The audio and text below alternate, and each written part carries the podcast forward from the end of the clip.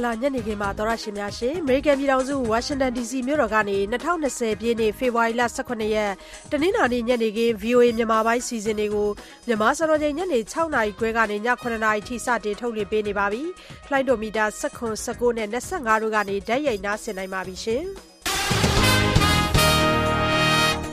တနင်္လာညနေခင်းရဲ့အစီအစဉ်မှုကကျမစုမပါရှင်ကျမကတော့စုမြတ်မပါတရုတ်နိုင်ငံမှာကိုရိုနာဗိုင်းရပ်စ်ပိုးကြောင့်သေဆုံးတဲ့သူ1800နီးပါးရှိသွားပြီလို့တရုတ်ကျန်းမာရေးတာဝန်ရှိသူတွေကဒီကနေ့ပြောကြားပါတယ်အမေရိကန်နဲ့ငြိမ်းချမ်းရေးသဘောတူညီမှုကိုဒီလမကုန်ခင်လက်မှတ်ထိုးနိုင်လိမ့်မယ်လို့ယုံကြည်တဲ့အကြောင်းတာလီဘန်တွေဘက်ကပြောကြားခဲ့ပါတယ်။အခုလိုနောက်ဆုံးရသတင်းတွေကိုကိုအောင်အောင်နဲ့ကြီးညာပေးပါမယ်ရှင်။ဟုတ်ကဲ့ပါရှင်။ဒီညနေခင်းသောရရှင်တွေနားဆင်ရမယ်ထိတ်တရောက်သတင်းလွှာတွေကတော့မြန်မာနိုင်ငံမှာ COVID-19 ရောဂါပိုးရှိမရှိစစ်ဆေးနိုင်ပြီလို့ဗဟိုကူးစက်ရောဂါတိုက်ဖျက်ရေးဌာနတာဝန်ရှိသူကဒီကနေ့အတည်ပြုပြောဆိုလိုက်ပါတယ်။နောက်ပြီးတော့တရုတ်နိုင်ငံကနေမြန်မာကိုလာရောက်လည်ပတ်မဲ့ခီးသွွားဧည့်သည်တွေစီကနေကျန်းမာရေးကောင်းမွန်ကြောင်းအာမခံချက်ယူရမယ်ဆိုတဲ့မြန်မာနိုင်ငံခီးသွွားလုပ်ငန်းရှင်များအသင်းရဲ့ထုတ်ပြန်ချက်အပေါ်မှာပြည်သူ့ကျန်းမာရေးဦးစီးဌာနတာဝန်ရှိသူတချို့ကဘယ်လိုတုံ့ပြန်ပါသလဲ။ကျွန်တော်တို့ဌာနကဟိုတည်းကျွန်တော်တို့စာလာတာမျိုးမရှိပါဘူးခင်ဗျာ။ဟုတ်ကဲ့။ဒီမှာဒီဘက်ထက်မှာရောက်နေတဲ့ငပြောလုပ်သားတွေ ဒီသတင်းနဲ့ပတ်သက်ပြီးတော့ဒီတာဝန်ရှိတဲ့သူတွေညှင်းပယ်လိုက်တာပါဒီသတင်းကိုနောက်ပိုင်းအပြည့်စုံနားဆင်ရပါမယ်တရုတ်နိုင်ငံမှာတော့အခုဆိုရင်သေဆုံးသူပေါင်းက1800နီးပါးရှိပြီးကူးစက်သူ9000ကျော်အထိဖြစ်ပွားနေတဲ့ကိုရိုနာဗိုင်းရပ်စ်ရောဂါကိုရိုနာဗိုင်းရပ်စ်ကြိုတင်ကာကွယ်ရေးဆောင်ရွက်ရှောင်ရံနေနဲ့ပတ်သက်ပြီးတော့ကမ္ဘာတဝန်းနိုင်ငံတွေမှာပညာပေးလုပ်ငန်းတွေနဲ့ဆော့ဩနေကြတဲ့အကြောင်းနောက်ဆုံးရသတင်းလွှာတွေကိုတင်ဆက်ပေးဖို့ရှိပါတယ်ရှင်အခုရင်ဆုံးကတော့တနင်္လာညနေခင်းအတွက်နောက်ဆုံးသိထားတဲ့သတင်းတွေကိုမဆုမြတ်မွန်နဲ့ကိုအောင်အောင်တို့တင်ပြပေးကြပါလိမ့်မယ်ရှင်။ တရုတ်နိုင်ငံမှာ Coronavirus ပိုးကူးစက်သူ9000ကျော်သွားပြီးတော့သေဆုံးသူ1800နီးပါးရှိသွားပြီလို့ တရုတ်ကျန်းမာရေးတာဝန်ရှိသူတွေက ဒီကနေ့ပြောကြားပါတယ်။ပိုးကူးစက်ခဲ့သူတွေထဲက11000လောက်ကတော့ ပြန်လည်နေကောင်းသွားကြပြီဖြစ်ပါတယ်။ Coronavirus ပိုးကူးစက်မှုစတင်တဲ့ခုဘေးပြည်နယ်မှာ ဒီကနေ့ သေဆုံးသူ100ကျော်ရှိပါတယ်။ပိုးကူးစက်နေသူတွေယောဂဖြစ်နေသူတွေကို စောင့်ရှောက်ဖို့ ကျန်းမာရေးဝန်ထမ်းတွေလည်းဟူဘေးပြည်နယ်ကို နောက်ထပ်ရောက်ရှိလာကြပါတယ်။ တရုတ်နိုင်ငံပြင်ပမှာပိုးကူးစက်သူအများဆုံးကိုတွေ့ရှိတာကတော့ဂျပန်နိုင်ငံယိုကိုဟားမားဆိပ်ကမ်းမှာတီးခြားခွဲစောင့်ကြည့်ခံနေရတဲ့ဇိမ်ခံအပျော်စီးသင်္ဘောကြီးပေါ်မှာဖြစ်ပါတယ်။အဲဒီ Diamond Princess သင်္ဘောကြီးပေါ်ကအမေရိကန်နိုင်ငံသား300ကျော်ကိုတော့အမေရိကန်အစိုးရကလေယာဉ်နှစ်စင်းနဲ့ကယ်ထုတ်ခဲ့ပါတယ်။ခီးသည်တွေကိုတည်ဆောင်လာတဲ့ပထမလေယာဉ်ဟာဒီကနေ့တနင်္လာနေ့အစောပိုင်းတုန်းကကယ်လီဖိုးနီးယားပြည်နယ်က Travis လေတပ်အခြေစိုက်စခန်းကိုရောက်ရှိလာပါတယ်။နောက်တစ်စင်းကလည်း Texas ပြည်နယ်က Lackland လေတပ်စခန်းကို နာရီပိုင်းအကြာမှာပဲ ဆိုက်ရောက်ပါတယ်။အဲ့ဒီခီးသည်တွေထဲမှာ14ယောက်မှာတော့ coronavirus ပိုးကူးစက်နေပေမဲ့ ရောဂါလက္ခဏာ မပြတဲ့အတွက် လေယာဉ်ပေါ်တက်ခွင့်ပြုခဲ့ပါတယ်။ဒါပေမဲ့ တခြားခီးသည်တွေနဲ့ သူတို့ကိုတီးခြားခွဲထားခဲ့ပါတယ်။တင်မောကြီးပေါ်ကနေ ပြန်ခေါ်လာတဲ့ American အားလုံးကိုတော့14ရက်တီးခြားခွဲစောင့်ကြည့်မှာဖြစ်ပါတယ်။ Diamond Princess စိန်ခံသင်္ဘောကြီးပေါ်မှာ နောက်ထပ်ပိုးကူးသူ69ယောက် ဒီကနေ့ထပ်တွေ့တာကြောင့် စုစုပေါင်း ပိုးကူးစက်နေသူဟာ454ယောက်ရှိသွားပါပြီ။အဲဒီသင်္ဘောကြီးပေါ်မှာရှိနေတဲ့ Australia နိုင်ငံသားတွေကို ကယ်ထုတ်မယ်လို့ Australia ဝန်ကြီးချုပ်က ဒီကနေ့ကြေညာပါတယ်။ကနေဒါ၊အီတလီ၊တောင်ကိုရီးယားနဲ့ ဟောင်ကောင်ကလည်း သူတို့နိုင်ငံသားတွေကို သင်္ဘောပေါ်ကနေ ကယ်ထုတ်နိုင်ဖို့ ပြင်ဆင်နေကြပါတယ်။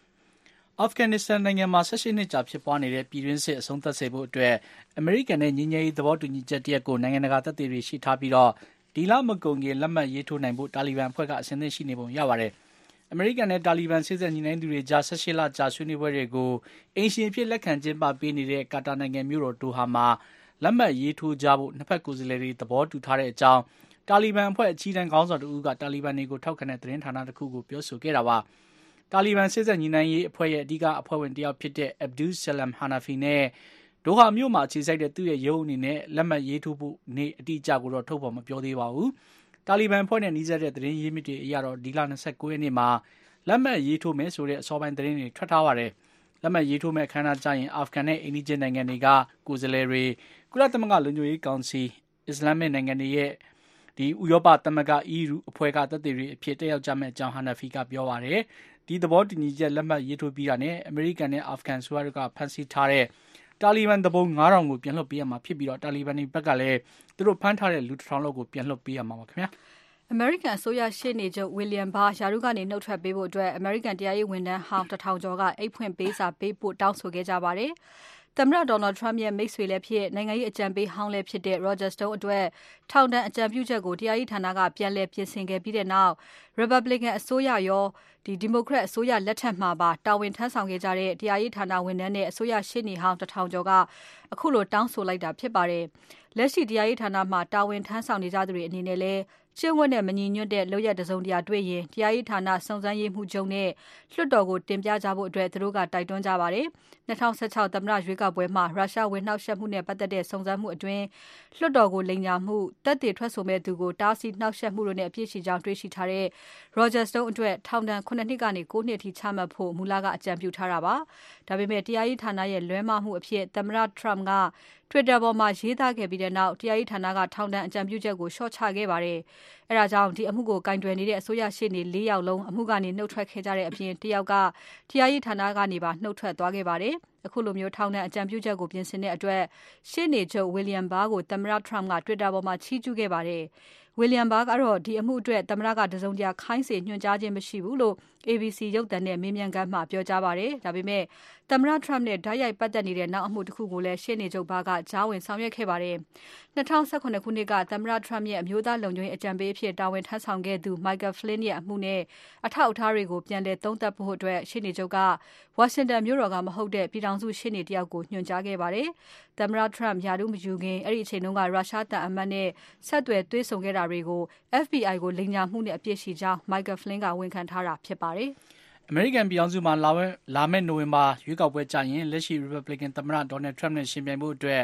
Democratic ပါတီတွင်း သမ္မတလောင်းရွေးချယ်ပွဲတွေကျင်းပနေတာမှာ ဒီလ22ရက်နေ့နီဗားဒါးပြည်နယ်မှာကျင်းပမယ့်ပနာမရွေးကောက်ပွဲအတွက် ကြိုတင်မဲတွေ စပေးနေကြပါပြီ။နီဗားဒါးပြည်နယ်မှာ ဒီလို ကြိုတင်မဲခွင့်ပြုတာကတော့ ဒါ ပထမဆုံးအကြိမ်ဖြစ်ပါတယ်။ပါတီတွင်း သမ္မတလောင်းဝင်ပြိုင်နေသူတွေ အများပြားရှိနေတဲ့အထက်ကကိုနှစ်သက်ရာ ကိုယ်စားလှယ်ကိုရွေးချယ်နိုင်ဖို့အတွက်ကြိုတင်မဲပေးမှုတွေစတင်တဲ့တနင်္ဂနွေနေ့မှာပဲလာရောက်မဲပေးသူအများပြားရှိခဲ့ပြီးတော့မိနစ်90လောက်အထိအချိန်ပေးစောင့်ခဲ့ရသူတွေရှိပါတယ်။ကြိုတင်မဲပေးရက်ကိုတနင်္ဂနွေနေ့ကနေအင်္ဂါနေ့ထိသတ်မှတ်ထားပြီးတော့ပနာမရွေးကောက်ပွဲကိုတော့နီဗားဒါးပြည်နယ်တဝန်စနေနေ့မှာကျင်းပမှာပါ။နီဗားဒါးပြည်နယ်ဟာလူမျိုးရေးအရာကွဲပြားမှုတွေတည်တည်သာသာရှိနေတဲ့ဒေသဖြစ်တာမို့ဒီမိုကရက်တစ်ပါတီသမ္မတလောင်းရှင်ပြိုင်သူတွေအတွက်လူမျိုးစုံမဲဆန္ဒရှင်တွေရဲ့ထောက်ခံမှုကန့်ကွက်မှုတွေကိုပထမဆုံးရင်ဆိုင်ရမယ့်နေရာလည်းဖြစ်ပါတယ်။ နီဗားဒါးဟာအစောပိုင်းပနာမရွေးကောက်ပွဲတွေကျင်းပခဲ့တဲ့ Iowa နဲ့ New Hampshire ပြည်နယ်တွေလိုလူပြူအများစုကြီးစိုးတဲ့ပြည်နယ်မဟုတ်ဘဲလက်တင်နွယ်ဘွားတွေနဲ့အာဖရိကနွယ်ဘွားတွေအများပြားရှိတဲ့ပြည်နယ်ပါအစောပိုင်းကျင်းပပြီးစီးခဲ့တဲ့ပါတီရင်းသမ္မတလောင်းရွေးပွဲတွေမှာတော့သူ့ကိုယ်သူ Social Democrat တူအဖြစ်ကြွေးကြော်ထားတဲ့ဘာမောင်ပြည်နယ်အထက်လွှတ်တော်မှ Bernie Sanders ကဒီလူထုထောက်ခံမှုမဲအများဆုံးရထားပြီးတော့လာမယ့်နီဗားဒါရွေးကောက်ပွဲမှာလည်းအနိုင်ရနိုင်ပွဲရှိတဲ့အကြောင်းရွေးကောက်ပွဲမတိုင်ခင်လူထုစစ်တမ်းတွေအရဖော်ပြနေပါတယ်ခင်ဗျာ။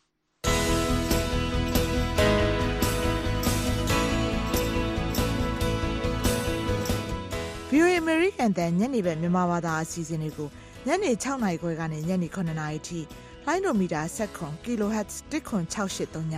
လိုင်းဒိုမီတာ19 kHz 15563နဲ့လိုင်းဒိုမီတာ25 kHz 11965တို့ကနေထုတ်လွှင့်ပေးနေပါတယ်ရှင်။ နင်္လာနေ့ညနေပိုင်းနိုင်ငံတကာသတင်းတွေကို VOA ကဆက်ပြီးတော့ကြီးညာပေးနေပါတယ်။ Afghanistan ဒုက္ခသည်တန်းနဲ့ချီကိုလက်ခံထားကြတဲ့နိုင်ငံတွေကိုနိုင်ငံတကာကပံ့ပိုးပေးကြဖို့အတွက်ကုလသမဂ္ဂဒုက္ခသည်အတွင်းရေးမှူးချုပ် Antonio Guterres ကတိုက်တွန်းပါတယ်။တခြားစိန်ခေါ်မှုတွေနိုင်ငံတကာရဲ့အကန့်အသတ်နဲ့ထောက်ခံမှုတွေကြားကပဲ ပါကစ္စတန်နိုင်ငံဟာ Afghanistan ကဒုက္ခသည်တွေကိုလွန်ခဲ့တဲ့အနှစ်40လောက်ထဲက လက်ခံထားတယ်လို့ အတွင်းရေးမှူးချုပ် Guterres ကပြောကြားပါတယ်။အိမ်နီးချင်း Afghanistan ငြိမ်းချမ်းရေးအတွက်လည်း အရေးပါတဲ့နေရာကစ조사နေတယ်လို့အခုလိုပြောကြားခဲ့ပါတယ်။ I want to reaffirm that the preferred durable solution for refugees has always been voluntary repatriation in safety and dignity to their country. Afghan ဒုက္ခသည်တွေအပါအဝင်ဒုက္ခသည်တိုင်းအတွက်ရေရှည်ခံတဲ့အဖြေဟာသူတို့မူလနိုင်ငံကိုဘေးကင်းသိက္ခာရှိစွာပြန်နိုင်ရေးဖြစ်တယ်ဆိုတာထပ်ပြီးတော့အခိုင်အမာပြောလိုပါတယ်။ Afghanistan မှာငြိမ်းချမ်းရေးရရှိဖို့ပါကစ္စတန်နိုင်ငံကအဓိကအခန်းကပါဝင်နေသလိုအားလုံးပါဝင်တဲ့ငြိမ်းချမ်းရေးရရှိဖို့ကုလသမဂ္ဂကလည်းဆက်လက်ထောက်ခံသွားမယ်လို့ပြောကြားခဲ့တာပါ။ လွန်ခဲ့တဲ့အနှစ်40အတွင်း ဒုက္ခမျိုးစုံရင်ဆိုင်ခဲ့ရတဲ့ Afghanistan မှာ ငြိမ်းချမ်းရေးအတွက် အတတ်နိုင်ဆုံး ထောက်ခံမယ်လို့ ပါကစ္စတန်ဝန်ကြီးချုပ် Imran Khan ကလည်း ဒီကနေ့ ပြောကြားခဲ့ပါတယ်။ပါကစ္စတန်က Afghan ဒုက္ခသည်တွေကို လက်ခံထားတာ အနှစ်40ပြည့် အထိမ်းအမှတ် နှစ်ရက်ကြာ နိုင်ငံတကာညီလာခံကို တနင်္ဂနွေနေ့ကအစ္စလာမာဘတ်မြို့တော်မှာ ကျင်းပနေတာဖြစ်ပါတယ်။ဒီညီလာခံကို ကုလသမဂ္ဂတာဝန်ရှိသူတွေအပြင် ကမ္ဘာခေါင်းဆောင်တချို့လည်း တက်ရောက်နေပါတယ်။ဒုက္ခသည်လက်မှတ်ရှိတဲ့ Afghanistan ဒုက္ခသည်သည်3သန်းနီးပါးအပါအဝင် နိုင်ငံပြင်ပမှာ ရောက်ရှိနေတဲ့ အာဖဂန်ဒုက္ခသည်9သန်းလောက်ရှိတယ်လို့ ကုလသမဂ္ဂကထပ်မံထားပါတယ်။အဲဒီထဲမှာ90ရာခိုင်နှုန်းလောက်က ပါကစ္စတန်နဲ့ အီရန်နိုင်ငံတွေမှာ ရောက်ရှိနေကြတာဖြစ်ပါတယ်။အမေရိကန်နဲ့ ဥရောပကြားတည်ရှိတဲ့ ဆက်ဆံရေး Trans Transatlantic Relationship လတ်တလောအခြေအနေနဲ့ပတ်သက်လို့အမေရိကန်နဲ့ဥရောပနိုင်ငံတွေအကြားသဘောထားအမြင်မတူညီမှုတွေထင်ထင်ရှားရှားရှိနေတာကိုဂျာမနီနိုင်ငံမှာကျင်းပနေတဲ့မြူးနစ်လုံခြုံရေးဆိုင်ရာညီလာခံမှာတွေ့မြင်ခဲ့ရပါတယ်။အဲဒီညီလာခံကိုကမ္ဘာတဝန်းကနိုင်ငံရေးနဲ့စီးရေးကောင်းဆောင်တွေရာချီတက်ရောက်ခဲ့တာပါ။ဂျာမနီသမ္မတ Frank Walter Steinmeier ကဒီညီလာခံအဖွဲ့မိန့်ခွန်းပြောနေတဲ့အချိန်မှာအမေရိကန်နိုင်ငံဟာနိုင်ငံတကာအတိုင်းဝိုင်း international community ဆိုတဲ့အယူအဆကိုညှင်းဆိုနေတယ်လို့ဆွဆွဲလိုက်တယ်လို့ရုရှားနဲ့တရုတ်နိုင်ငံတို့ရဲ့ချင်းချောက်မှုအန္တရာယ်ကိုလည်းသတိပေးပြောကြားခဲ့ပါတယ်။ American ကာကွယ်ရေးဝန်ကြီး Mark Esper နဲ့နိုင်ငံခြားရေးဝန်ကြီး Mike Pompeo တို့ဦးဆောင်တဲ့ American ကိုယ်စားလှယ်အဖွဲ့ကတော့ American နဲ့ဥရောပကြားဆက်ဆံရေးအဖူးထိဖြစ်နေတယ်ဆိုတာကိုလက်မခံဘဲညှင်းဆိုခဲ့ပါတယ်။ မလေးရှားနိုင်ငံမှာ ဒီနှစ်ထဲ 5G မြန်နှုန်းမြင့်ကုန်ရက်ဖြတ်ဖို့လိုအပ်တဲ့ နည်းပညာနဲ့ ပစ္စည်းကိရိယာတွေကို မလေးရှားနိုင်ငံနဲ့ လုံခြုံရေးဆန်အပေါ် မူတည်ပြီး ရွေးချယ်မယ်လို့ မလေးရှားက ပြောလိုက်ပါတယ်။လုံခြုံရေးစိုးရိမ်ရတဲ့အတွက် Huawei ကုမ္ပဏီကို မသုံးကြဖို့ အမေရိကန်က တိုက်တွန်းနေချိန်မှာပဲ မလေးရှားကအခုလိုပြောတာပါ။ Huawei နဲ့ပတ်သက်လို့ ကမ္ဘာတဝန်း စိုးရိမ်နေကြတာကို သိပေမဲ့ ဒီနှစ်လယ်ပိုင်းကစပြီး နိုင်ငံတဝန်း 5G ကွန်ရက်ဖြန့်ဖို့ စီစဉ်ထားတဲ့ မလေးရှားအနေနဲ့ ကုန်လုံခြုံရေးဆန်အပေါ် မူတည်ပြီး ကုမ္ပဏီတွေကို ရွေးချယ်သွားမယ်လို့ ဆက်သွယ်ရေးဝန်ကြီးက Reuters သတင်းဌာနနဲ့ မေးမြန်းခန်းမှာ ပြောကြားခဲ့ပါတယ်။သြစတြေးလျနိုင်ငံမှာ တောမီရန်ပုံငွေ ဂီတဖျော်ဖြေပွဲတခုကို မနေ့ တနင်္ဂနွေနေ့က ဆစ်ဒနီမှာ ကျင်းပပါတယ်။ဒီဖျော်ဖြေပွဲမှာ ပြည်တွင်းပြည်ပက ဂီတအနုပညာရှင်တွေပါဝင်ပြီး လူပေါင်း9သောင်းလောက် တက်ရောက် အားပေးခဲ့ကြပါတယ်ခင်ဗျာ။ Direct from Washington, the voice of America, VOA. တနင်္လာညနေခင်းအတွက်နောက်ဆုံးသိထားတဲ့မြန်မာနဲ့နိုင်ငံတကာသတင်းတွေကိုမဆုမြတ်မွန်နဲ့ကိုအောင်တို့တင်ပြပေးခဲ့တာဖြစ်ပါတယ်ရှင်။အခုယူဆုံးထိတ်တန်းရောက်သတင်းလွှာတွေနဲ့သတင်းပေးပို့ချက်တွေကိုတင်ဆက်ပေးကြပါမယ်။မြန်မာနိုင်ငံကအမျိုးသားကျန်းမာရေးဓာတ်ခွဲမှုဆိုင်ရာဌာန NHL မှာ COVID-19 ရောဂါရှိမရှိ စစ်ဆေးနိုင်ပြီလို့ဗဟိုကူးစက်ရောဂါတိုက်ဖျက်ရေးဌာနတာဝန်ရှိသူကအတည်ပြုလိုက်ပါတယ်။လူနာတွေဆီကနေဓာတ်ခွဲနမူနာတွေကိုရယူပြီးရောဂါပိုးရှိမရှိဆိုတာကို NHL မှာစစ်ဆေးတဲ့ရလဒ်နဲ့ကမ္ဘာ့ကျန်းမာရေးအဖွဲ့ WHO ရဲ့ရည်ညွှန်းဓာတ်ခွဲခန်းတွေဆီကရလဒ်ဟာကိုက်ညီမှုရှိတာကိုလည်းတွေ့ရတယ်လို့ပြောပါတယ်။အပြည့်အစုံကို VOA မြန်မာပိုင်းသတင်းထောက်စုစုကပြောပြပေးပါမယ်။ COVID-19 ဗိုင်းရပ်စ်ရောဂါပိုးရှိမရှိဆိုတာကို မြန်မာနိုင်ငံမှာရှိတဲ့အမျိုးသားကျန်းမာရေးဓာတ်ခွဲမှုဆိုင်ရာဌာန NHL မှာစတင်စစ်ဆေးနိုင်ပြီလို့ဗဟိုကူးစက်ရောဂါတိုက်ဖျက်ရေးဌာနကဒုတိယညွှန်ကြားရေးမှူးဒေါက်တာခင်ခင်ကြီးကပြောပါတယ်။ဒီမှာဒီလက်ဓာတ်ခွဲနမူနာတွေမှာဒီ COVID-19 ဗိုင်းရပ်စ်ပိုးရှိမရှိကိုစစ်ဆေးနိုင်ပြီဖြစ်ပါတယ်။စစ်ဆေးတဲ့အခါမှာကျမတို့နိုင်ငံမှာစစ်ဆေးသလိုပဲကမ္ဘာ့ကျန်းမာရေးအသိအမှတ်ပြု Blood Cancer ဖြစ်တဲ့ထိုင်းနိုင်ငံ NIH မှာလည်းတခါတည်းပေးပို့ပြီးတော့စစ်ဆေးတာရှိပါတယ်။အဲဒီကရတဲ့အဖြေတွေကဆိုရင်ကိုက်ညီမှုရှိတာတွေ့ရပါတယ်။ဒါကတော့ကျမတို့မြန်မာနိုင်ငံ National Health Laboratory ရဲ့အောင်မြင်မှုပဲဖြစ်ပါတယ်။ COVID-19 သံသယနဲ့ စောင့်ကြည့်လူနာတွေရဲ့ ဓာတ်ခွဲနမူနာတွေကို ကမ္ဘာ့ကျန်းမာရေးအဖွဲ့ရဲ့ ရည်ညွှန်းဓာတ်ခွဲခန်းတွေထဲက တခုဖြစ်တဲ့ ထိုင်းနိုင်ငံမှာရှိတဲ့ ဓာတ်ခွဲခန်းဆီကိုသာ ပေးပို့ပြီး အတည်ပြုချက်ရယူခဲ့တာပါ။ဒါပေမဲ့ မနေ့က စောင့်ကြည့်လူနာ2ဦးရဲ့ယောဂရှိမရှိ ဓာတ်ခွဲအဖြေမှာ ရည်ညွှန်းဓာတ်ခွဲခန်းစီက ရလက်နဲ့ NHL ကရလက်အတူတူဖြစ်တာကို တွေ့ရတယ်လို့ ပြောပါတယ်။ အခုလိုမြန်မာနိုင်ငံက NHL မှာစစ်ဆေးနိုင်မှုအတွက် ကမ္ဘာ့ကျန်းမာရေးအဖွဲ့ရဲ့ ချိတ်ဆက်ပေးမှုနဲ့ ထိုင်းနိုင်ငံနဲ့ ဂျပန်နိုင်ငံတို့ကနေ လိုအပ်တဲ့ဓာတ်ခွဲပစ္စည်းတွေကို လက်ခံရရှိပြီး လူနာတွေရဲ့ ဓာတ်ခွဲနမူနာတွေမှာ COVID-19 ဗိုင်းရပ်စ်ရောဂါပိုး ရှိ မရှိဆိုတာကို ရည်ညွှန်းဓာတ်ခွဲခန်းနဲ့ တပြိုင်နက်တည်း စစ်ဆေးနေတယ်လို့ ကျန်းမာရေးနဲ့ အားကစားဝန်ကြီးဌာနကလည်း သတင်းထုတ်ပြန်ထားပါတယ်။ မြန်မာနိုင်ငံမှာ COVID-19 သံသယလူနာ မတွေ့ရှိသေးပဲစောင့်ကြည့်လူနာကတော့10ဦးရှိပြီး အဲ့ဒီထဲက2ဦးမှာယောဂပိုးမရှိကြောင်း မနေ့က ဖေဖော်ဝါရီလ16ရက် ညပိုင်းမှာ ရည်ညွှန်းတက်ခွဲကန်းက ပြန်ချလာတယ်လို့ ဒေါက်တာခင်ခင်ကြီးက ပြောပါတယ် အခုလက်ရှိမှာတော့နော်ကျွန်တော်တို့နိုင်ငံမှာတန်တဲ့လူနာတွေ့ရှိတယ် မရှိသေးပါဘူး။ဒီနေ့ကညအထိဆိုလို့ရှိရင်တော့ လူနာစိတ်ဦးကို ဆေးရုံထဲမှာ ဆက်လက်ပြီးတော့ စောင့်ကြပ်ကုသမှုပေးနေပါတယ်။သူတို့စီကနေပြီးတော့ ဓာတ်ခွဲနမူနာတွေကိုလည်း ကျွန်တော်တို့ဟာဆိုလို့ရှိရင်ဒေသဆက်ကိုပြပို့တဲ့အခါမင်းရောက်ဆိုလို့ရှိရင်အထူးပြန်လာပါတယ်။မိုင်းချက်ပြုတဲ့စိတ်ရော အသက်36နှစ်အရွယ်မျိုးသား တစ်ဦးနဲ့ မိုးကုတ်မြို့နယ်ဆိုရင်အသက်22နှစ်အရွယ်မျိုးသမီး တစ်ဦးဒီစုပါလူနာနှစ်ဦးရဲ့ဓာတ်ခွဲဖြေတွေမှာဆိုလို့ရှိရင် COVID-19 ဗိုင်းရပ်စ်ရောဂါပိုး မရှိပါကြောင်းဆိုပြီးတော့ သူက မနေ့ညပိုင်းမှာ ပြန်လာတဲ့ဟာကို ဖော်ပြထားခြင်းဖြစ်ပါတယ်။ကျန်ရှိနေသေးတဲ့ လူနာ ၈ ဦးတွေကမန္တလေးပြည်သူစေယုံကြီးက အသက်24နှစ်အရွယ် အမျိုးသား လာရှိုးမြို့နယ်စေယုံက အသက်18နှစ်အရွယ် အမျိုးသမီး တောင်သာမြို့နယ်စေယုံက အသက်38နှစ်အရွယ် အမျိုးသား မြစ်သားမြို့နယ်စေယုံကအသက်18နှစ်အရွယ်အမျိုးသားနဲ့ အသက်34နှစ်အရွယ်အမျိုးသား သူတို့ ၅ ဦးရဲ့ ဓာတ်ခွဲရလက်အဖြေကို စောင့်နေပြီး လာရှိုးမြို့နယ်ဆေးရုံက အသက်40အရွယ်အမျိုးသား ဝေဘာဂီအထူးကုဆေးရုံက အသက်38နှစ်အရွယ်အမျိုးသားနဲ့49နှစ်အရွယ်အမျိုးသား သူတို့သုံးဦးရဲ့ ဓာတ်ခွဲနမူနာတွေကိုတော့ ရည်ညွှန်းဓာတ်ခွဲခန်းစီပေးပို့ဖို့ စီစဉ်နေတယ်လို့ သိရပါတယ်။မြန်မာနိုင်ငံမှာ COVID-19 ရှိ မရှိ စစ်ဆေးလာနိုင်ပေမဲ့ ကမ္ဘာ့ကျန်းမာရေးအဖွဲ့ WHO ရဲ့ ရည်ညွှန်းဓာတ်ခွဲခန်းစီကိုတော့လူနာတွေရဲ့ဓာတ်ခွဲနမူနာတွေကိုပေးပို့ပြီးသူတို့ရဲ့ရလဒ်ကိုသာအတည်ပြုချက်ရယူရအောင်မှာဖြစ်ပါတယ်။မြန်မာနိုင်ငံမှာ COVID-19 ကူးစက်မှုလုံးဝမရှိသေးပေမဲ့ပြည်သူလူထုအနေနဲ့ကိုခံအားကောင်းအောင်စားတောက်နေထိုင်ဖို့လူထူထပ်တဲ့နေရာတွေကိုရှောင်ကျဉ်ပြီးလက်ကိုစနစ်တကျမကြာခဏဆေးပေးဖို့အပါအဝင်ချောင်းဆိုးနှာချင်ရင်ပါဇက်အုပ်ဖို့အတွက်လည်းကျန်းမာရေးနဲ့အားကစားဝန်ကြီးဌာနကတိုက်တွန်းနှိုးဆော်ထားပါတယ်။ COVID-19 ကူးစက်ခံရသူဟာတရုတ်နိုင်ငံမှာ 9000နဲ့အများဆုံးဖြစ်ပြီးဂျပန်နိုင်ငံမှာအယောက်400နဲ့ဒုတိယအများဆုံးဖြစ်ပါတယ်။တရုတ်နိုင်ငံဝူဟန်မြို့ကနေစတင်ပြန့်ပွားလာတဲ့ဒီ virus ပိုးဟာဒေသတွင်းနိုင်ငံတွေဥရောပနဲ့အမေရိကန်ပြည်ထောင်စုအပါအဝင်နိုင်ငံပေါင်း28နိုင်ငံကိုကူးစက်ပြန့်နှံ့နေပါတယ်။တရုတ်နိုင်ငံသား1800နီးပါးသေဆုံးခဲ့ပြီးဂျပန်၊ဟောင်ကောင်၊ထိုင်ဝမ်၊ဖိလစ်ပိုင်စတဲ့နိုင်ငံတွေမှာတော့တယောက်စီသေဆုံးခဲ့ပါတယ်။မဆုစုပါရှင်ဒီလိုမျိုးတရုတ်နိုင်ငံကနေပြီးတော့ကူးစက်ပြန့်ပွားလာတဲ့ ပိုးနဲ့ပတ်သက်ပြီးတော့ တရုတ်ခီးသွားတွေအပေါ်မှာကန့်သက်ချက်သတ်မှတ်တဲ့သတင်းကို တင်ပြပေးကြပါမယ် တရုတ်နိုင်ငံကနေ လာရောက်လဲပတ်မဲ့ဧည့်သည်တွေစီကနေ ကျန်းမာရေးကောင်းမွန်ကြောင်း အာမခံချက်ရယူပြီး ဆက်လက်ဆောင်ရွက်ရန်ဆိုတဲ့ မြန်မာနိုင်ငံခရီးသွားလုပ်ငန်းရှင်များအသင်းရဲ့ ထုတ်ပြန်ချက်အပေါ် ပြည်သူ့ကျန်းမာရေးဦးစီးဌာန တာဝန်ရှိသူတချို့က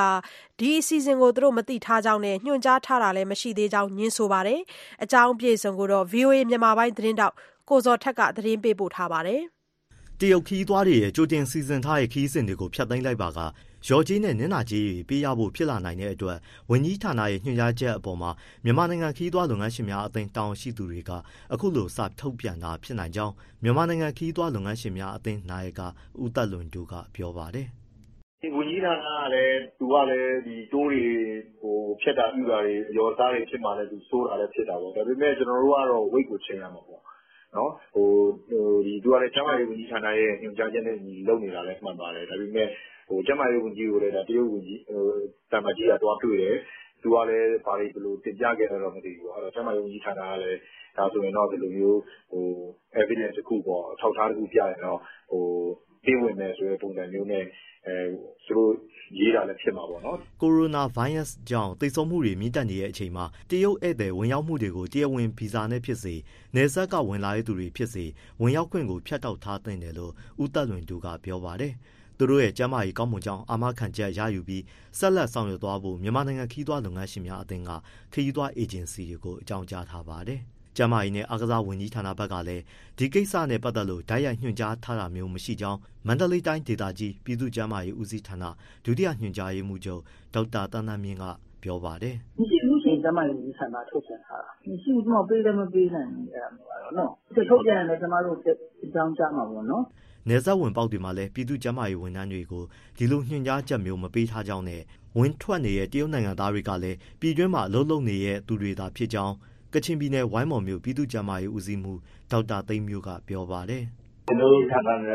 ဟိုတည်းကျွန်တော်စီစာလာတာမျိုး မရှိပါဘူးခင်ဗျာဟုတ်ကဲ့ ဒီမှာဒီဘက်ထက်မှာရောက်နေတဲ့ငပြောလုပ်သားတွေလူပတ်ဖို့တတန်းကောင်းလို့ရှိရင်တုံးထုတယ်ပြန်ဝင်တယ်အဲ့လိုလူတွေပဲ ဟိုထဲလာတဲ့လူတွေ မဟုတ်ဘူး တရုတ်တန်မတ်ကြီး မစ္စတာချန်ဟိုင်းနဲ့ ကျန်းမာရေးနဲ့ အားကစားဝန်ကြီးဌာန ပြည်အောင်စုဝန်ကြီး ဒေါက်တာမြင့်ထွေးဟာ ဖေဖော်ဝါရီ14ရက် နေပြည်တော်မှာ တွေ့ဆုံခဲ့ပြီး ကိုရိုနာဗိုင်းရပ်စ် COVID-19 ကြောင့်ဖြစ်လာတဲ့ ရောဂါအခြေအနေတွေကို နှစ်နိုင်ငံ ပူးပေါင်းဆောင်ရွက်ရမယ့် အခြေအနေတွေ ဆွေးနွေးခဲ့ပါတယ်။စင်ကာပူကတော့ တရုတ်ဗီဇာနဲ့ ဝင်လာတဲ့ မည်သူမဆို နိုင်ငံဝင်ရောက်ခွင့် ယာယီပိတ်ထားလိုက်ပါတယ်။ မြန်မာနိုင်ငံမှာတော့ တရုတ်နိုင်ငံသားတွေကို ဖေဖော်ဝါရီ ၁ ရက်ကစပြီး ဆိုက်ရောက်ဗီဇာရန်နာထားပါတယ်။ကိုရိုနာဗိုင်းရပ်စ် COVID-19 ကူးစက်ခံရသူတွေဟာ တရုတ်နိုင်ငံမှာ9000နဲ့ အများဆုံးဖြစ်ပြီး ဂျပန်နိုင်ငံက အယောက်400နဲ့ ဒုတိယအများဆုံး ဖြစ်ပါတယ်။တရုတ်နိုင်ငံ ဝူဟန်မြို့ကနေ စတင်ပြန့်ပွားလာတဲ့ ဒီဗိုင်းရပ်စ်ပိုးဟာ ဒေသတွင်းနိုင်ငံတွေ ဥရောပနဲ့ အမေရိကန်ပြည်အောင်စု အပါအဝင် နိုင်ငံပေါင်း28နိုင်ငံကို ကူးစက်ပြန့်နှံ့နေပါတယ်။တရုတ်နိုင်ငံသား1800နီးပါး သေဆုံးခဲ့ပြီး ဂျပန်၊ဟောင်ကောင်၊ထိုင်ဝမ်၊ ဖိလစ်ပိုင်စတဲ့နိုင်ငံတွေမှာတော့တယောက်စီသေဆုံးခဲ့ပါတယ်။ကိုဇော်ထက်ပါရှင်ဒီကိုရိုနာဗိုင်းရပ်စ်ကာကွယ်ရေးကမ္ဘာတဝက်ဆောင်ရွက်နေတဲ့အကြောင်းသတင်းကိုလည်းတစ်ဆက်တည်းတင်ပြခြင်းပါတယ်ပြည်သူလူထုကြားမှာကိုရိုနာဗိုင်းရပ်စ်ကြိုတင်ကာကွယ်ရေးဆောင်ရန်ရှောင်ရန်တွေနဲ့ပတ်သက်လို့ကမ္ဘာတဝက်နိုင်ငံအသီးသီးမှာတော့ပညာပေးလုပ်ငန်းတွေနဲ့စော်ဩနေကြပါပြီတရုတ်နိုင်ငံမှာကိုရိုနာဗိုင်းရပ်စ်ပိုးကူးစက်သူပေါင်းက 8000ကျော်ရှိနေပြီးလူပေါင်း1800နီးပါးသေဆုံးခဲ့ရတယ်လို့ကျန်းမာရေးတာဝန်ရှိသူတွေကဒီကနေ့အတည်ပြုပါတယ်။နောက်ထပ်သံသယရှိတဲ့လူနာကတော့8000ကျော်ရှိသွားပြီလို့လည်းဆိုပါတယ်။နိုင်ငံတကာနယ်စပ်တွေကနေတဆင့်ကိုရိုနာဗိုင်းရပ်စ်ပိုးကူးစက်သူတွေတိုးလာနေချိန်မှာဒီဗိုင်းရပ်စ်ကူးစက်ပြန့်ပွားမှုကဘယ်တော့အဆုံးသတ်မလဲဆိုတာကိုတော့အခုချိန်ထိဘယ်သူမှမပြောနိုင်ကြသေးပါဘူး။ VOA သတင်းထောက်ဇလတိကဟုတ်သတင်းပေးပို့ထားတာဒေါခင်စိုးဝင်းပြောပြပေးပါရှင်။ကောင်းပါပြီရှင်။ ဂျပန်နိုင်ငံ ယိုကိုဟားမားဆိပ်ကမ်းမှာ ဖေဖော်ဝါရီလ ၅ ရက်နေ့ကတည်းက ဆိုက်ကပ်ထားရတဲ့ Diamond Princess အပျော်စီးသင်္ဘောကြီးပေါ်က ကိုရိုနာဗိုင်းရပ်စ် ကူးစက်နေကြတဲ့ ရာနဲ့ချီတဲ့ ခရီးသည်တွေနဲ့အမေရိကန်နိုင်ငံသား ၄၆ ယောက်ထက်မနည်း ပါဝင်ပါတယ်။ရောဂါကူးစက်နေသူ အမေရိကန် ခရီးသည်တွေအနေနဲ့ ဆေးဝါးကုသမှု ခံယူပြီးမှ အိမ်ပြန်ခွင့်ရမှာ ဖြစ်ပါတယ်။ တရုတ်နိုင်ငံမှာရောဂါကူးစက်သူပေါင်း9500ကျော်ကိုပျောက်ကင်းအောင်ကုသပေးနိုင်ခဲ့ပြီးဆေးရုံကဆင်းခွင့်ပြုခဲ့တယ်လို့တာဝန်ရှိသူတွေကတနင်္ဂနွေနေ့ကပြောပါတယ်။ဒီလထဲမှာအသက်အတန်ဖြစ်နေတဲ့လူနာအရေအတွက်လျော့သွားတယ်လို့တရုတ်မျိုးသားကျန်းမာရေးကော်မရှင်ကမီဖုန်းကပြောပါတယ်။现有确诊病例 Among confirmed cases, critical cases in other provinces in the country was နိုင်ငံတော်တခြားပြည်နယ်တွေမှာယောဂကူးစက်မှုအတည်ပြုလူနာတွေထဲမှာဇန်နဝါရီလ28ရက်နေ့အထိစိုးရင်ရတဲ့လူနာ15.9ရာခိုင်နှုန်းရှိခဲ့ပြီးတော့ဖေဖော်ဝါရီလ15ရက်နေ့မှာတော့9.2ရာခိုင်နှုန်းထိလျော့သွားပါတယ်။ဒီပြောင်းလဲမှုကိုကြည်ချင်းအဖြစ် virus ပိုးကာကွယ်ရေးနဲ့ထိန်းချုပ်နိုင်မှုကထိရောက်မှုရှိတယ်လို့ပြောလို့ရပါတယ်တရုတ်ပြည်မှာအသားသို့မဟုတ်တောရိုင်းတရိษံတရားမဝင်ရောင်းဝယ်တာတွေမလုပ်နိုင်အောင်သားငါးဈေးကိုတင်းကျပ်စွာကင်တွယ်တာနဲ့ လူထုအကြား တယ်လီဖုန်းနဲ့အယောင်အဝယ်လုပ်တာတွေကိုပါ ပိတ်ပင်ပြီး ကြိုတင်ကာကွယ်နေပါတယ်။ဒီဗိုင်းရပ်စ်ပိုး စတင်ဖြစ်ပွားခဲ့တယ်လို့ ယူဆရတဲ့ဟူဘေးပြည်နယ် ဝူဟန်မြို့ကတော့ ပြင်ပလောကနဲ့ အဆက်အသွယ်ဖြတ်ခံထားရပြီး လူသူအသွားအလာ မရှိသလောက် ဖြစ်နေပါပြီ။ ဒါပေမဲ့ virus ပိုးကတော့ ဆက်ပြီးပြန့်နှံ့နေစေပါ အာဖရိကတိုက်မှာတောင် ကိုရိုနာဗိုင်းရပ်စ် ကူးစက်သူ အတီးပြုလူနာတယောက် ပထမဆုံးတွေ့ရတယ်လို့ အီဂျစ်ကျန်းမာရေးဝန်ကြီးဌာနကတောက်ကြနေကကြေညာလိုက်ပါတယ် ဒီယောဂါနဲ့ပတ်သက်လို့ ကမ္ဘာတဝန်း သတိထားနေကြရပါပြီ ပါလက်စတိုင်းပိုင်တဲ့ဂါဇာဒေသရာဖာနယ်စပ်မှာ နိုင်ငံခြားက ဝင်လာတဲ့ခီးတွေကို လိုအပ်ရင် စစ်ဆေးနိုင်ရေးစေကမ်းဖွင့်ဖို့ ကျန်းမာရေးဝန်ကြီးဌာနက ပြင်ဆင်နေပါတယ်လို့ ဒေါက်တာမာဂျီဒေယာကပြောပါတယ် We are now in a quarantine zone that has been prepared to deal with ခီးသည်တွေထဲမှာတရုတ်နိုင်ငံကထွက်ခွာလာတဲ့သူဆိုရင်ထွက်ခွာချိန်ကစပြီး14ရက်ကြာတဲ့အထိတီးသန့်နေရာမှာထားနိုင်မှုနေရာထိုင်ခင်းပြင်ဆင်ထားပါတယ်။ virus ပိုးက14ရက်အတွင်းမှာပေါ်လာနိုင်တာကြောင့်လိုအပ်သလိုကုသပေးနိုင်အောင်အခန်းတွေကိုကိရိယာအစုံလင်တပ်ဆင်ထားပါတယ်။ ဂျာမနီနိုင်ငံ မြူးနစ်မြို့မှာ စနေနေ့က ကျင်းပတဲ့ လုံခြုံရေးညီလာခံကြီးမှာလည်း ကမ္ဘာတဝန်းချင်းချောက်နေတဲ့ ကိုရိုနာဗိုင်းရပ်စ် အန္တရာယ်အရေး ဆွေးနွေးဖြစ်တယ်လို့ WHO ကျန်းမာရေးအဖွဲ့ အကြီးအကဲ Tedros Adhanom Ghebreyesus က ပြောပါတယ်။ The world spends billions of dollars preparing for a terrorist attack but relatively little ကဘာမှာ အကြမ်းဖက်မှု တိုက်ဖျက်ရေးအတွက် ဒေါ်လာတန်းထောင်ပေါင်းများစွာ သုံးစွဲဖို့ ပြင်ဆင်နေကြပေမဲ့ တေကျေမှုပိုများနိုင်တယ်လို့စီးပွားရေးနိုင်ငံရေးနဲ့လူမှုရေးမှာပိုအထိနာနိုင်တဲ့ဒီ virus ကိုတိုက်ဖျက်ကြဖို့အတွက်တော့မဆိုတလောက်နည်းနည်းလေးပဲပြင်ဆင်တာကိုတွေ့နေရပါတယ်ဒီ virus ပိုးပြန့်ပွားမှုအဆုံးသတ်ရေးအတွက်ရုရှားနဲ့အစ္စရေးနိုင်ငံအပါအဝင်ကမ္ဘာတဝန်းဘာသာရေးကောင်းဆောင်တွေဥဆောင်ပြီးလူထုစုတောင်းပွဲတွေကျင်းပနေကြပါတယ်ရှင်။ဒေါခင်စိုးဝင်းပြောပြပေးခဲ့တာဖြစ်ပါတယ်ရှင်။ဆက်ပြီးတော့ American ပြည်ထောင်စုမှာကျင်းပတဲ့ချင်းမျိုးသားနေ့သတင်းကိုတင်ဆက်ပေးကြပါမယ်။82ကြိမ်မြောက် ချင်းမျိုးသားနေ့ကိုတော့အမေရိကန်ပြည်ထောင်စုဝါရှင်တန် DC ဧရိယာမှာချင်းမျိုးသားတွေစုပေါင်းပြီးကျင်းပခဲ့ကြပါတယ်။ဖေဖော်ဝါရီလ20ရက်နေ့မှာကျရောက်တဲ့ချင်းမျိုးသားနေ့ကိုဂုဏ်ပြုပြီးတော့မယ်ရီလန်းပြည်နယ်ကိုလံဘီယာမှာဖေဖော်ဝါရီလ15ရက်နေ့ကကြိုတင်ကျင်းပခဲ့တာပါ။ဒီအကြောင်းကိုတော့ကိုယ်တိုင်သွားရောက်ရိုက်ကူးထားတဲ့ကိုအောင်အောင်ကတင်ပြထားတာနားဆင်ပါရှင်။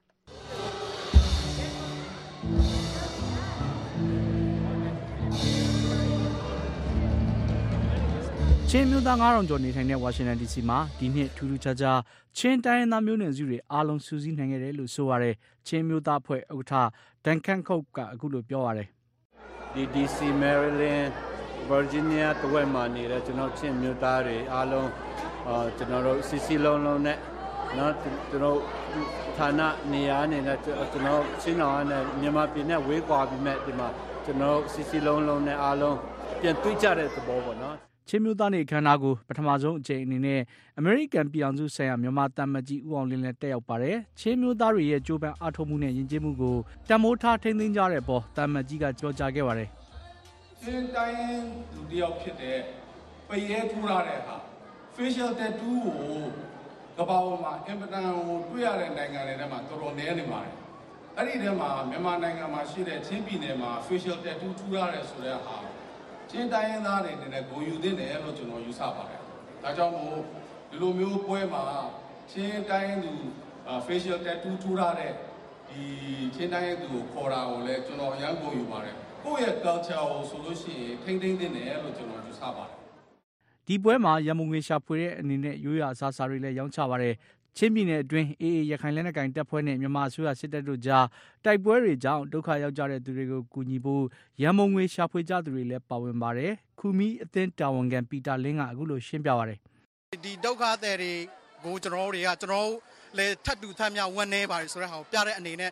အပြင်တော်၎င်းကျွန်တော်တို့ဒီမှာချင်းတွေရှိတဲ့တခြားချင်းတွေကျွန်တော်တို့ခူမီလူမျိုးသက်သက်မဟုတ်ဘဲနဲ့တခြားချင်းတွေကလေကျွန်တော်တို့ဒီဒုက္ခရောက်နေဆိုတဲ့ဟာကိုသိအောင်ဒီချင်းလူမျိုးမကဘူးကျွန်တော်တို့ဒီ Washington DC မှာဒီကျွန်တော်တို့ Congress မှာရှိတဲ့လူတွေဒီ White House မှာရှိတဲ့လူတွေတကဘာလုံးမှာရှိတဲ့လူတွေကိုကျွန်တော်တို့တွေဒီလိုအပြစ်မဲ့တဲ့ပြည်သူတွေဒုက္ခရောက်နေဆိုတဲ့ဟာကျွန်တော်တို့သိစေချင်ပါတယ်ချင်းမျိုးသားနေခန္ဓာမှာရိုးရာယဉ်ကျေးမှုအဆိုကတွေနဲ့လည်းပြောပြပါရတယ်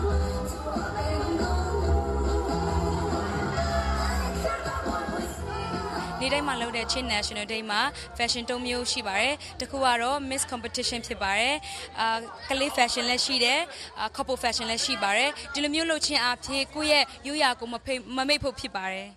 အလှမင်းနဲ့ fashion ပြိုင်ပွဲစီစဉ်သူနောင်ဝိုင်းပြောသွားတာပါချင်းလူမှုအတိုင်းဝိုင်းအတွင်းကပညာရေးထွေးကျွန်းသူတွေကိုလည်းဂုဏ်ပြုဆုချီးမြှင့်ပါတယ် Anthony S. Chin Associate of Arts and General Studies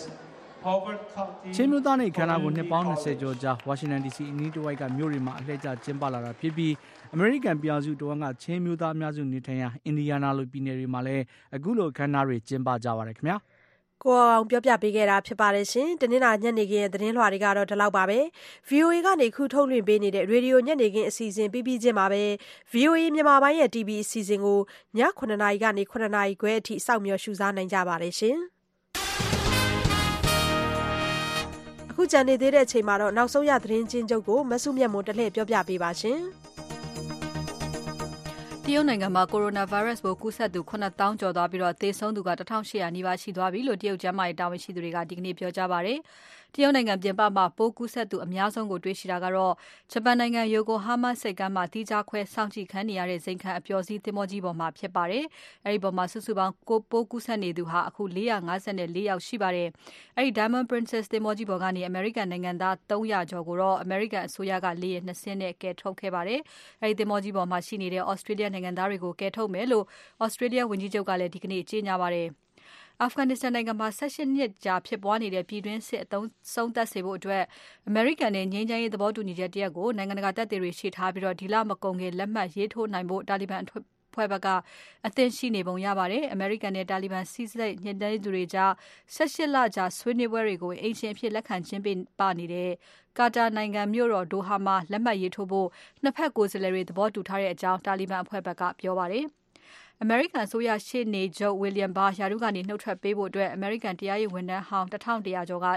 အိတ်ဖွင့်ပေးစာပေးဖို့ တောင်းဆိုခဲ့ကြပါတယ်။သမ္မတ Donald Trump ရဲ့ မိတ်ဆွေလည်းဖြစ် နိုင်ငံရေးအကြံပေးဟောင်းလည်းဖြစ်တဲ့ Roger Stone အတွက် ထောင်ဒဏ်အကြံပြုချက်ကို တရားရေးဌာနက ပြန်လည်ပြင်ဆင်ခဲ့ပြီးတဲ့နောက်မှာ Republican အစိုးရရော Democrat အစိုးရလက်ထက်မှာပါ တာဝန်ထမ်းခဲ့ကြတဲ့ တရားရေးဝန်ထမ်းနဲ့ အစိုးရရှေ့နေဟောင်းတထောင်ကျော်ကအခုလိုတောင်းဆိုလိုက်ကြတာဖြစ်ပါတယ်ရှင်။ သတင်းချင်းချုပ်ကိုမဆုမြတ်မုံကကြေညာပေးခဲ့တာဖြစ်ပါတယ်ရှင်။တနင်္လာညနေခင်းအတွက်အစီအစဉ်ထုတ်လုပ်ရေးမှူးကမက်ခင်ဖြူထွေးဖြစ်ပါတယ်။စက်ပိုင်းဆိုင်ရာအသက်ဖန်အင်ဂျင်နီယာကတော့ဂျိုးဂီလ်ဖြစ်ပါတယ်ရှင်။ကျွန်မကဆုမုံမှာဒီညနေခင်းအစီအစဉ်တွေကိုတာဝန်ယူတင်ဆက်ပေးခဲ့တာဖြစ်ပါတယ်။နောက်နှစ်နာရီကြာည9နာရီကနေ10နာရီထိထုတ်လွှင့်ပေးမယ်။ညပိုင်းအစီအစဉ်တွေကိုတော့လှိုင်းဒိုမီတာ19 25 32နဲ့လှိုင်းလက်မီတာ190တို့ကနေစောင့်မျှော်ဖန်ယူနာဆင်နိုင်ပါတယ်ရှင်။ VOA ကိုနားတော်တာဆင်ခဲ့တဲ့အတွက်ကျေးဇူးအထူးပဲတင်ရှိပါတယ်။ သ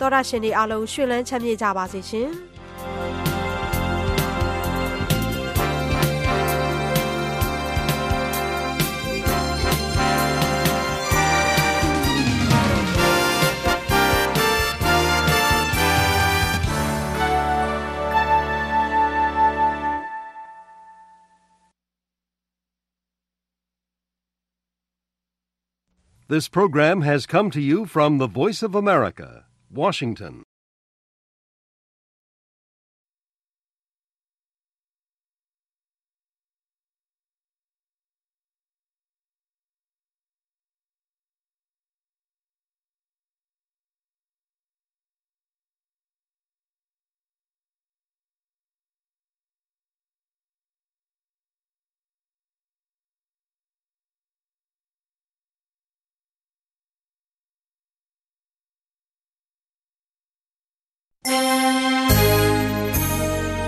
From Washington, this is VOA News.